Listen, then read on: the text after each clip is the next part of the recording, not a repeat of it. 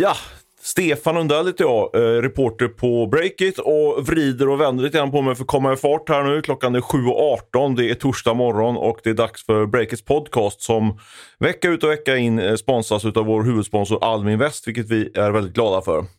I studion jag har med mig Åsa Johansson som är reporter på Breakit. Hur känns det Åsa? Är du lite trött som jag? Man måste aldrig säga att man är trött i podd vet jag. Alltså, du är pigg eller hur är det? Jag är jättepigg. Ja, men det Absolut. är man faktiskt också. För nu är det så tidigt och då är vi rappa. Ja, det är bara att komma igång. Ja, men härligt. Uh, vi har ju ett koncept här som är att vi delar upp podden i tre olika segment. Veckans möte, vi har veckans snackisar och uh, godbiten till sist, veckans köp och sälj. Och jag tycker att vi ska börja med veckans möte.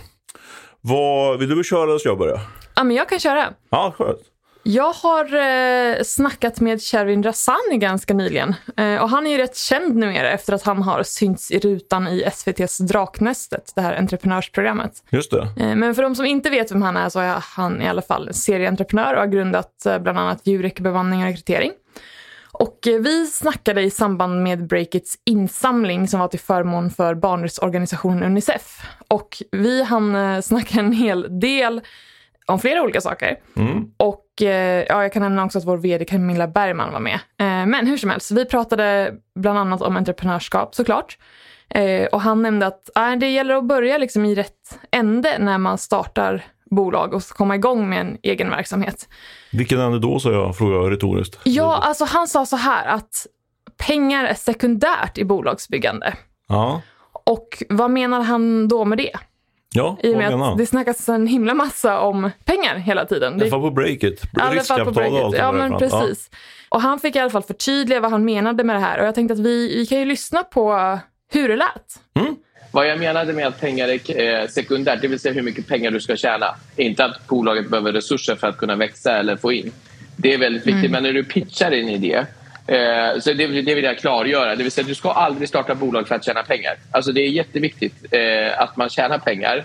Missförstå mig rätt här. Men det är mm. väldigt viktigt att man har en mission med bolaget. Det vill säga, och en vision att det här är vad vi ska förändra eller det här är vad vi ska åstadkomma. Det måste alltid gå före med att vi ska tjäna 10 kronor eller 100 kronor. Poängen i bolagsbyggande ska då alltså inte först och främst vara att tjäna pengar. Men vad, vad, tycker du om Stefan? Du har ju ändå grundat Breakit. Jag håller med till 100 procent. jag tror att det viktigaste när man drar igång ett bolag det är att eh, sätta en, precis som man var inne på, en mission eller vision. Det är lite begreppsförvirring där ibland kring, kring det. Men det är, man måste sätta något, eller ett purpose, någonting som man går upp på morgonen för. Eh, och eh, utifrån det så bygger man en företagskultur. Och har man det liksom på, satt på plats, då tror jag att man kan bygga ett jättestort och lönsamt och fint bolag. Men jag, tror, jag håller 100% med. Alltså, jag är med om hela vägen faktiskt. Mm. Ja, det låter ju superbra. Det hade varit ganska tråkigt annars om, om vårt, vårt, vår startup-scen i Sverige byggde endast på att tjäna cash. Men vad tycker du själv då som, som anställd? Då? Är det, förstår du resonemanget eller tänker du framförallt att jag vill ha min lön? Liksom? Eller, ja. Nej, gud nej. Eller man måste ju leva, absolut. Men det är klart att om man inte trivs med det man gör så blir ju allt jättejobbigt. Kort och gott. Men jag menar just i och med att det är så himla mycket snack om det här med, eh, med en vision och man ska, man ska ha värderingsdrivna bolag och så. Liksom. Och du är ju en, en annan generation än mig. Vad, tycker du att det är mycket lullull eller tycker du att det verkligen är någon substans och att det är något som du går igång på? Svara ärligt nu. Om man kan svara ärligt, ja. som jag alltid gör. Eh, så alltså det är klart att, att de här orden och begreppen slängs ju runt och det kan bli ganska klyschigt och det kan bli lite urvattnat och det är så här, ah, ja okej, okay. men det, det, blir lite, nej men nästan som man kommer in när vissa bolag pratar om hållbarhet, men det är mest ett ord och man berättar inte vad man faktiskt gör. Men så länge det finns en ganska tydlig så här, okej okay, det här är vår vision och man förklarar vad det är, då blir det en helt annan grej. Men är det också en viktig, en, en viktig eller avgörande del för alltså det, det, hygienfaktorer är klart att man, har, att man har marknadsmässig lön och man har alltså de sakerna på, på plats. Liksom. Men, men är det en avgörande orsak till var du går någonstans? Eller tänker du, ja, avgör, eller är det något som verkligen spelar roll? Den här, den det spelar jättestor roll. Ja, det är så? Absolut. Ja. Skönt att höra. Hoppas att du gick igång på det när, vi, när du kom till breaket. Du, gjorde du det eller? Det gjorde jag. Ja, underbart. Mitt möte i den här veckan var jag träffade Dynamic Codes VD Louise Nylén. Känner du till Dynamic Code? Ja, eller lite grann i alla fall. De har ju varit i ropet en hel del, i alla fall på Breakits redaktion och eh, det vi skriver om. Men eh, vad, vad snackar ni om då? Ja, men alltså Dynamic Code, de har ju varit en, får man ändå säga, liksom en vinnare i pandemin. Eh, de gör ju, har ju gjort covid-tester eh, och eh, fick ett avtal med, eh, jag tror det var Folkhälsomyndigheten som har genererat flera hundra miljoner kronor faktiskt i intäkter. Och det är ganska intressant för det är egentligen inte deras eh, det var inte därför de drog igång Dynamic Code för att göra massa covid-tester såklart. Det var ingen som visste om att det skulle bli en stor nisch. Utan deras eh, nisch är ju liksom och eh, kan man säga digitalisera hela test, eh, testindustrin. men då, man kan ju inte göra tester digitalt, eller? Nej, helt rätt. Helt rätt. Nej, men normalt sett så går man till vårdcentral och gör ett test. Ja, exakt. och, men här kan, får man då hemskicka testerna, kan göra dem hemma och sen skickar man in dem till ett labb då som Dynamic Code har satt upp. All right. Och det, det, är en jättestor grej. Alltså i, bara i Sverige så görs det flera miljoner utav de här testerna. Kanske uppemot, uppemot 10 miljoner tester varje år. Och många av dem gör, sker ju då liksom att man går till vårdcentralen eh, och eh, det är kanske en läkare eller i alla fall en sjuksköterska som hjälper dem att mm. ta testerna. Vilket är väldigt dyrt då. Eh, tar massa tid. Så det, jag såg verkligen, hon var ju duktig på att sälja in caset Louise till mig. Så jag, jag gick igång på det här faktiskt. Måste säga att det finns en stor Eh, de, de löste ett stort problem kan man säga och, eh, och, ehm, och har fått liksom då en kan man säga, raketstart i sin, i sin eh, företagskarriär med, tan med tanke på de här covid-testerna. För de har dragit in jag vet 100-200 miljoner kronor per år ungefär. Vilket innebär att de har sluppit att eh, ta in massa riskkapital, eh, vilket varit väldigt eh, förmånligt för dem. Då. Så nu står de inför en riktigt stor upprampning. Så det var mitt möte. Louise Nylén på Dynamic Code. Eh, hon så avslutade mötet med att säga att, eh, att hon var väldigt glad att hon inte hade lämnat ut någon kursdrivande information. Så det var kanske lite ett misslyckande då för mig. Jag lyckades inte pumpa ur henne riktigt, riktigt tungt, men jag tyckte ändå det var en, en eh, spännande, spännande träff med henne. Jag förstår det. Ja, ja, men det, det blir nästa gång. Ja, vi får se. Vi tar nya tag. Du, vi ska snart gå in på eh, veckans snackisar, men eh, först ska vi eh, ha ett litet meddelande från vår sponsor Tele2 Företag som jag tänkte läsa upp. För den här veckan är vi då sponsrade av Tele2 Företag och det gillar jag verkligen. För det är alltid bra att få hjälp och finansiera vår journalistik. Och Tele2 Företag är också, vilket vi gillar, ett företag som vill slå ett extra slag för hållbarhet och impact ur flera aspekter. För det är så här att Tele2 de satsar stenhårt på att rulla ut den här nya 5G-tekniken och ur ett hållbarhetsperspektiv är det faktiskt en väldigt viktig komponent. För tack vare 5G-tekniken så minskar man dels energiförbrukningen rejält och eh, vilket jag inte visste innan vi inledde vårt samarbete med Tele2 företag är också att det öppnar upp en rad möjliga innovationer, den här nya tekniken, vilket i sin tur då kommer att kunna hjälpa till och eh, skapa mer hållbara lösningar och mer, eh, ja, bättre, bättre för vår, eh, vår miljö helt enkelt. Mycket bra, alltså både för miljön och hållbarheten i stort. Och jag tycker att ni ska gå in på tele2.se företag så får du veta mer om hur 5G kan hjälpa både ditt företag och vår planet. Gör det nu eller kanske allra bäst efter att du lyssnat klart på den här podden. Det var vårt budskap från Tele2 Företag, vår sponsor. Och nu ska vi gå in på veckans snackisar. Vi ska börja snacka om Daniel Ek. Eller hur Åsa? Jajamensan. Och det här är ju, ja. Vi tar det från början, Stefan. Ja, gör det. Så här, gör det. Så, Ge oss bakgrunden. Ja, så det som har hänt är att Daniel Ek, som är vd och grundare av Spotify, har gått in med närmare en miljard kronor i Helsing. Och det här är ett eh, försvars och säkerhetsbolag Tyskt sådant, eh, ganska nystartat mig vetligen. Det ska ha grundats i år. Och förutom då den här summan pengar som han häller in i det här bolaget så sätter han sig också i styrelsen.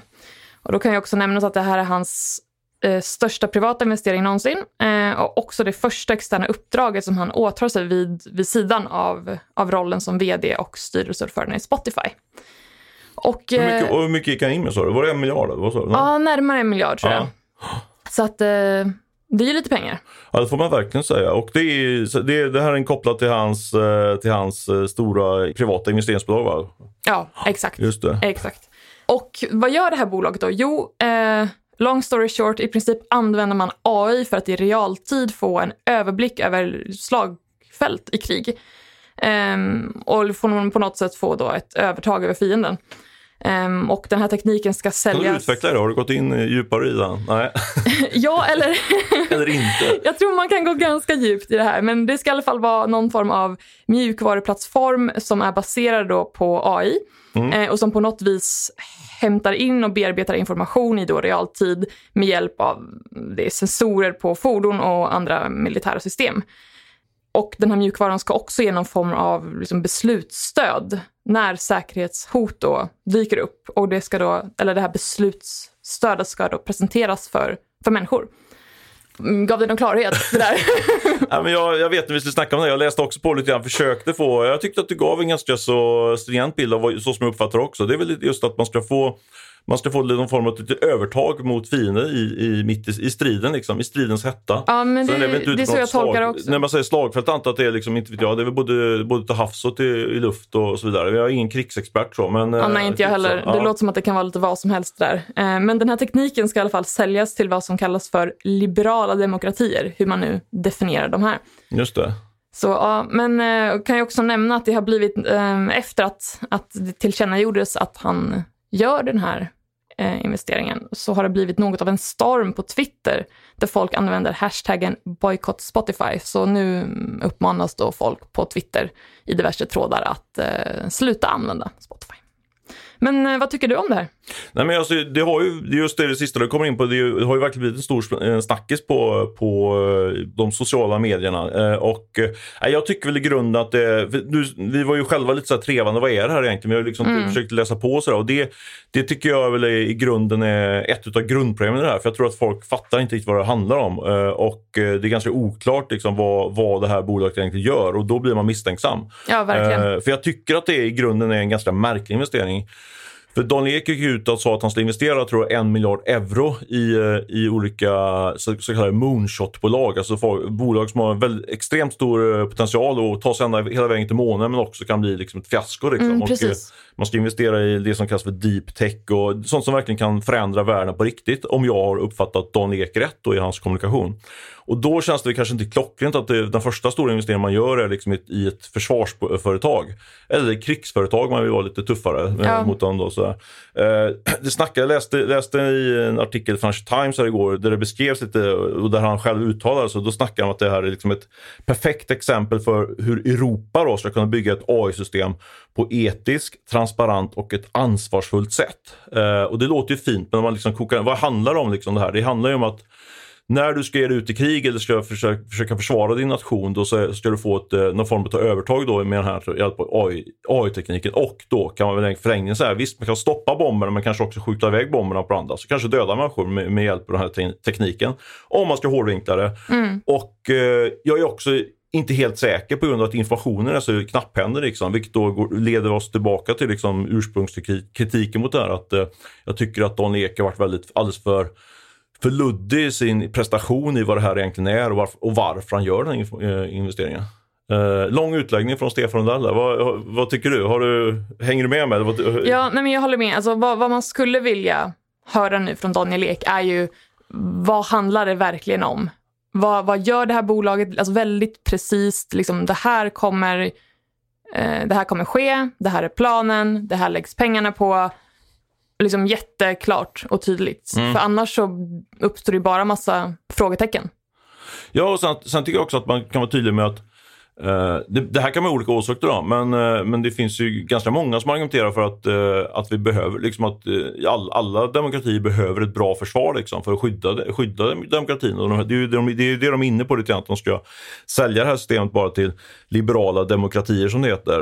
Eh, men då ska man vara tydlig med det, att det handlar om att, eh, att eh, det, här, det här är ett försvar, en försvarsfördel kan man säga mot, mot andra, mer onda länder då kanske. jag läste att i, i Kina ligger väldigt långt fram när det gäller att använda sig av AI när det gäller försvarsteknik. Då, att USA kommit långt efter eh, på den här banan. Och det här, det här kommer säkert vara så att det, deras största kund kommer ju vara USA förmodligen. Och eh, det är ju en nation som man kanske kan ha olika åsikter om. Men, ja. men man, bara man är tydlig med liksom, att vad, vad det ska handla om. Liksom. Så tycker jag. Däremot så tror jag inte att eh, att det här kommer bli något liksom, eh, gigantiskt eh, bakslag för Spotify. Det här är bojkott Spotify. Jag tror inte att det är många som kommer att säga upp sitt abonnemang även om det, även det finns liksom så här förkämpar i den här frågan som säkert har agerat. har du gjort det? Har du sagt upp ditt Spotify eller funderar du ens på det? Nej, alltså jag har inte gjort det. Jag har faktiskt för några dagar sedan eh, skaffat Spotify för första gången i mitt liv. Ja, det var, alltså jag, jag visste det. Det var därför jag var lite, Ja. för, lite preppad för Men jag var ändå lite chockad i chock. Liksom. Jag var i Sverige och, och inte, bo i Sverige och inte ha ett Spotify-abonnemang. Nu sponsras inte av Spotify, men det känns nästan som alla har det. Men hur, hur kommer det sig att du har undvikit? Är det något, är det av uh, ideologiska skäl? Har det bara blivit så? Eller vad, Ja, men alltså Stefan, du var ju verkligen inte den enda som blev chockad. Jag nämnde det här först i, eh, i ett sammanhang tidigare i veckan och den blicken jag fick var ju att vem är du och vart kommer du ifrån? Och samma sak när jag nämnde det på redaktionen också. Jag tänkte mest att det här var en kul grej, men det var ju liksom en chock att folk fick höra det här. Ja. Nej, men alltså, det handlar väl om vana mest. Det är bara, jag har inte kommit mig för, helt enkelt. Och sen så, nej. Men, Du lyssnar men, på musik på var någonstans? Ja, det vågar jag knappt säga, då kommer jag bli skrattad. Men, Nej, säg det. men, alltså, jag har ju varit på YouTube i alla dessa år. Mm. Och jag är ändå en sån som lyssnar på musik i alla fall så fyra timmar om dagen. Så att det är inte så att det är en låt här och där. Utan, Du är en sån som, sån som Martin Lorentzon hatar. Du, snor, du streamar, eh, fulstreamar på via, eller fullyssnar via, spot, eller via YouTube. Är det så? ja, exakt. Ja. Så han, han kan hata på. Absolut. men nu har jag i alla fall gått över till eh, Spotify-värmen. Okej, du är inne i värmen igen. Ja, får se. Exakt. Så kanske du hoppar ur direkt och börjar, men du har inga planer på att bojkotta kort sagt? Nej. Ja, men vi får se var det slutar i den här bojkotten och och om Dan Ek eh, kommer ut på banan lite tydligare kring, kring den här försvarsinvesteringen. Då. Och, eh, ja, men jag tror att det är något som kommer att kommer att eh, lite grann förfölja Dan Ek innan han, innan han går ut och snackar ut om detta. Vilket han kanske har gjort när den här podden kommit ut. Kanske, kanske. Vi får se. Du, veckans snackis nummer två. Eh, Yes. Nu tycker jag att vi ska snacka om eh, det som man kan kalla för snabba matleverans eller Q-handel. ett begrepp som börjar etableras nu. Har du Q-handlat någonting och vet vad det är ens, Åsa? Alltså Q-handel är ju någon form av att man beställer hem varor snabbt. Eller hur? Kort Ja, gott. exakt. Supersnabba leveranser brukar vi kalla det på breaker. Så det är typ att eh, grejerna kommer hem på 10-20 minuter sådär. Eh, och det är framförallt också matvaror. Det, kanske inte, alltså, det, det är kanske inte varm mat som man tänker sig ska skjutas hem. Nej, utan mer så här, alltså, matbutiksprodukter. Ja, liksom. precis. Till eh, man själv ska slänga ihop sin middag. Ja, exakt. Alltså, eh, beställa mat från restaurang, ja, det har jag gjort. Ja. Eh, beställa hem mat från typ nej, men lite godis eller mjölk eller juice eller nu vad det är man vill ha har jag gjort ett par gånger, men det har ju tagit emot alltså, för jag känner mig så otroligt lat. Nej, men det är en sak om det är så här, okej, det tar 45 minuter till affären och tillbaka. Då fattar man. Men om man bor så att man har liksom, det tar 10 minuter fram och tillbaka, då, äh, nej, nej, det, jag har liksom inte samvete för Nej, det, tror är jag. det hedrar illa det faktiskt. För jag tycker också det. Är det väldigt starkt trend det här med snabba leveranser, inte minst ute i Europa. Liksom. Så, Men, men jag måste säga det, när man vill ta ett steg tillbaka och fundera över det här, liksom, precis, så är det precis eh, den invändningen jag har. Liksom. Behöver mänskligheten det här egentligen? Behöver vi verkligen ha någon som kör hem grejerna på, på 10 minuter, en kvart? Sådär. Samtidigt så tänker jag se på mig själv, på mitt eget beteende. Jag, jag rullar in på min lokala eh, kvartersbutik nästan varje dag faktiskt och köper mat till, eh, till kvällsmaten. Liksom, sådär. Så man, då vore det ju lite nice om man kunde ringa hem den maten och det bara så stod det när man kommer in. Ja, så jag vet, jag både och. Liksom. Och uppenbarligen finns det ju liksom ett eh, ett stort behov eh, och det är därför jag tycker vi ska plocka upp det här med, med snabba leveranser eller Q-commerce eller Q-handel som vi kan översätta till, till svenska. Eh, för det som eh, anledningen till att jag vill prata om det den här veckan är att jag gjorde en intervju med eh, Kavalls vd John Tengberg. Eh, det är ju en, var en Kanske inte den, riktigt den första spelaren, men den som liksom varit mest liv om här på, på den svenska scenen och tagit det här konceptet eh, till, till Sverige. De tog in en massa risk, eh, fick in 50 miljoner riskkapital efter bara någon ve- några, jag tror de varit igång två veckor och sånt där och värderas till en kvarts miljard. Oj. Ja, det var något som verkligen fick mig och fick upp ögonen för det här. För då märkte man att det här är någonting som, eh, som håller på att bli riktigt stort. Och tittar man ut i Europa som sagt så är det, ju, är det ju en av de sektorerna som fått mest riskkapital de sista 12 till 24 månaderna. Så det växer verkligen eh, väldigt fort i alla fall om man tittar på riskkapitaldelen då. Men det som jag tyckte var intressant när jag snackade med John Tengberg här, det var dels att de är på väg att ta in 100-150 miljoner kronor riskkapital nu. Eh, Så de, de gasar på ytterligare. Men sen också eh, så skissar han på eh, hur stor han tror den här marknaden kan bli. Och då förstår man verkligen liksom att varför det strömmar in så mycket riskkapital. Hur stor kan den bli då? Ja, för bara i Sverige, man brukar säga att den här dagligvaruhandeln är ju värd så här 300-350 miljarder kronor. Och han trodde att den kunde bli ungefär 15 procent av den här marknaden kunde vara för, den här, för det här segmentet. Vilket innebär ja, runda stänga 50 miljarder då, bara i Sverige. Så pass? Ja. det är bra. Ja, lite pengar än det. Pengar det är med. Ja, det är det. Nej, men absolut. Men det säger en del om varför, varför, eh, varför man verkligen eh, pumpar in pengar i det här segmentet nu. Men just idag tror jag inte det är alls stort. Det, nu är det nog bara liksom några, högst några tiotals miljoner sådär. Så det är verkligen Mm. eh, liksom, upp till bevis kan man säga. Ja, alltså riskkapital absolut, som du pratar om, det är verkligen mycket pengar på väg in eh, av vad man kan tänka sig och vad man hör. Men hur tror du att det kommer gå? Liksom? Nej, men jag flaggar ju för att jag tror, när vi, när vi skissade lite grann på, på det här poddavsnittet, jag, jag skulle ha någon rubrik på, tan- på temat att det kommer bli väldigt blodigt. Eh, för att det är lite matassociationer eh, och så. För, för det strömmar in eh, mycket riskkapital, eh, så just nu är det liksom full fart. Eh, Foodora är ju en stor spelare i det här segmentet. De har liksom breddat sin verksamhet från att bara leverera mat till att leverera massa olika typer av varor genom sina dark stores som det heter. Eh, du har Kaval, Mathem kommer dra igång under nästa, eller första kvartalet nästa, eh, nästa år. Och sen finns det flera andra mindre spelare eh, som är på väg in. Och sen inte minst så fick ju fick Volt, eh, finska Volt köptes ju upp av de här DoorDash och eh, Ja, men exakt. Ja, och de är ju stora i Finland och då, det är ju deras huvudverksamhet, eh, den här amerikanska spelaren, det här med snabba leveranser. Så de kommer komma in i Sverige också, tror jag, inom, inom kort. Och sen finns det massa stora europeiska spelare som kommer, säkert kommer titta på, jaha, där uppe i Norden har de ändå en rätt stor marknad, så där kommer gå in också. Så det är det man ser, att det kommer flockas eh, nya aktörer in i det här segmentet. Eh, och just nu är det, en, är det jättestark tillväxt. Men jag tror att det kommer bli lite grann som, som du vet de här elskoterföretagen, att det blir Ja. alldeles, alldeles för många aktörer. Ja. Och då blir det blodigt eh, efter ett tag, det kommer bli utslagning. Okej, men menar du att vi kommer få se blod på gatorna och riskkapitalister som blöder? Ja, men jag tror också att tyvärr att vi kommer få se riktigt blod på gatorna. Eh, för jag läste i, i uh, Information som är en väldigt bra techsajt i USA. Där plockar de upp, för det här, det här fenomenet har ju kommit mycket längre i USA och i New York där, är- där rullar det faktiskt bokstavligen blod på gatorna. För de ska ut med de här varorna på 10 minuter, kanske en kvart. Mm. Ja, ja, nej, men det är ju ingen tid att prata om. Nej, precis. Det går jättefort och eh, det blir då, de cyklar för fort helt enkelt och, eh, och eh, kraschar gång på gång. Så det blir många skador helt enkelt bland de här de anställda då på de här bolagen. Oj, men är det någonting som ökar? Vet man det? Ja, det har det blivit. Det är, det är en snackis i, i New York nu. Till fy. Och det där tror jag kommer att komma till, för det har vi ju redan satt med, även då, då med, med våra elskoterbolag här, liksom, har det varit mycket diskussioner om, om folk att till och med som har dött eh, på grund av att de kört de här. Så jag tror att det där kommer vara någonting som kommer komma mer och mer. Ju, eh, riskkapital pumpas in, fler och fler aktörer går in eh, och då kommer det bli mer och mer cyklister på, som eh, kör som galningar på gatorna och så kommer det kommer bli olyckor helt enkelt. Och då kommer det, tror jag att det kan bli en politisk fråga här till och med. Det är min, eh, min profetia. Vad tror du om den? Ja, alltså jag hoppas ju att du har fel, men Ja. det låter ju inte helt orimligt. Nej, vi hoppas att, eh, att jag har fel som vanligt. Det brukar jag ha ju.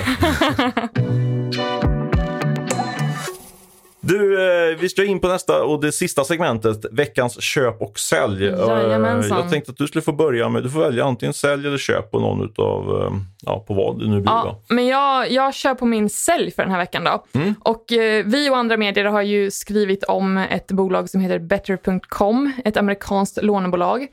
Eh, och eh, varför sätter jag sälj på det här? Jo, för att deras VD, jag tror man uttalar det Vishal Garg, han har sparkat 900 anställda.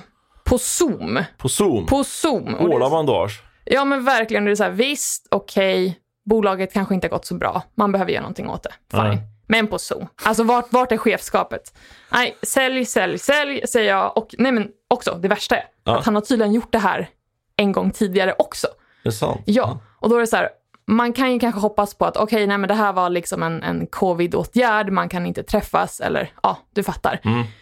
Men det, är, det känns himla slirigt alltså. Ja, Han tyckte liksom att det här funkar och så kör han en gång till. Ja. Ja, liksom alla i ett svep liksom. Man undrar hur värderingsdrivna de är på det bolaget. Eller om det ligger i deras, eh, deras DNA, deras vision att göra, ta hårda beslut via Zoom då. Nej, det låter inte jättetrevligt. Nej, verkligen inte.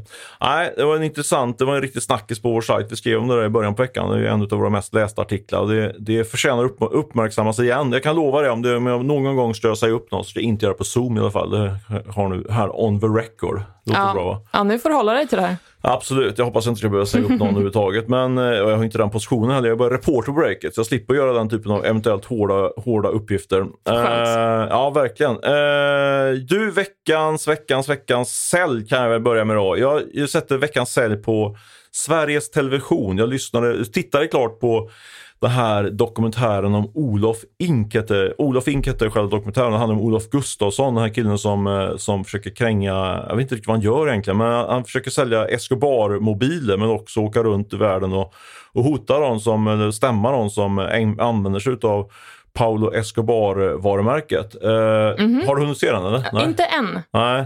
Jag vet inte om du behöver titta på den. den är, på ett sätt är den, är den underhållande, men på ett sätt så är det ju liksom haveri kanske att ta i, men, liksom det, men det, vi har skrivit massa artiklar om Olof Gustafsson, men det man vill komma åt det är ju liksom sanningen bakom den här, den här killen. Vad finns det någon substans bakom det, det han uh, utger sig för att vara? Han, han rör sig, åker runt med flådiga bilar, dyra klockor, bor på, på lyxhotell och sådär. Men liksom, finns det någon substans bakom? Har han byggt någon verksamhet? Det skulle jag vilja få reda på och det får jag absolut inte reda på i den här, i den här dokumentären. Aha, det, är sätter, det är därför jag sätter cell på SVT, för jag tycker att man borde kommit längre.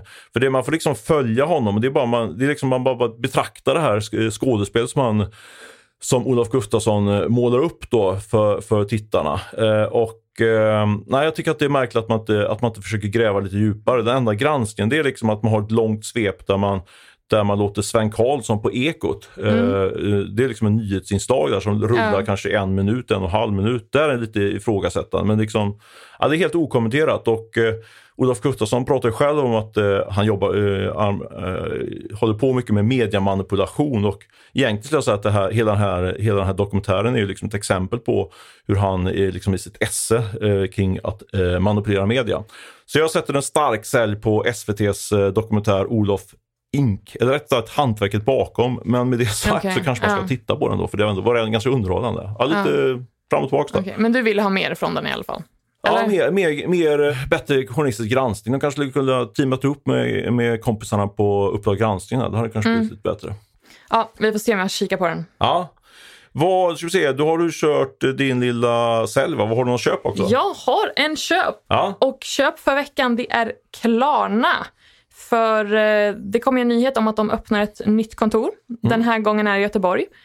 Och eh, vad som får mig att eh, säga veckans köp på det här är att de öppnar upp för eh, upp till 500 nya arbetstillfällen.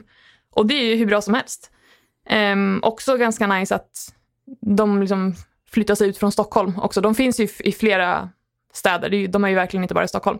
Men eh, ja, kul att det blir nya arbetstillfällen från eh, Klarna i Göteborg. Kan de behöva Göteborg? Nej då, de, jag tror att de har rätt bra fart på Göteborg, på Göteborgs techscen. Men den blir ännu hetare kan man säga då. Det är kul, jag håller med dig. Det är kul att de inte bara växer i Stockholm utan även växer på andra ställen runt om i landet. Uh, mm, mm, ja min... men absolut. Vad, du hade sälj där va? Nu, vad har du för köp? Ja, min köp är på eh, Tommy Jakobsson, affärsängen, eh, investeraren som driver Zenit Media. Han har haft det tufft med eh, Sound Industries eh, som har gått rätt knackigt vad jag förstått, i alla fall inte haft samma fart som de haft tidigare. Men nu har han ju, kan ju komma in relativt, relativt sent men lyckades liksom vara med på hela uppgången på eh, Truecaller som noterades på Stockholmsbörsen för någon månad sedan här. Och Truecaller har gått som en raket på Stockholmsbörsen och eh, nu är Tommy Jakobsson och Zenits post värd nästan 2,5 miljard kronor. Det tycker jag är riktigt starkt för Tommy Jakobsson. Ja, verkligen. Lite bias är för att Tommy också var med och, och dunkar in pengar i vår eh, insamling till Unicef. Det gillar vi. Han gick in med 200 000 där och lyckades eh, samla in på egen hand 200 000 till. Så det är hatten av för Tommy. Ja, verkligen. Verkligen inte illa. Nej, jag sa till Tommy via, via sms att nu är det bara att casha in på, på Truecaller. Men då kontrade han och sa att de har en lockup. Alltså de är inlåsta i 180 dagar så han, eh, han har inte möjlighet att sälja. Han lade till att han, han var ah. glad för det. Han, ah. han, han gillar bolaget. Vi får se. Jag tror att det, ja, vi får se hur länge Tommy är med där. Jag tror att det skulle vara smart att de har sålt lite grann i alla fall i det här bolaget. Mm, ja, vi får se. Ja, vi får se. Du, det var eh, veckans köp och sälj, det var veckans eh, möte och det var veckans snackisar. Och nu ska vi bara säga tack och hej. Men innan dess ska jag säga att eh, Olle Aronsson är ansvarig utgivare och vi har med oss vår huvudsponsor Almin Väst också som vi tackar för ert engagemang. Eh, ah, ja, det var det jag skulle säga. Vill du säga någonting annat? Nej, jag är ganska nöjd där också. Underbart. Mm. Tack så mycket så hörs vi nästa vecka. Tack för nu.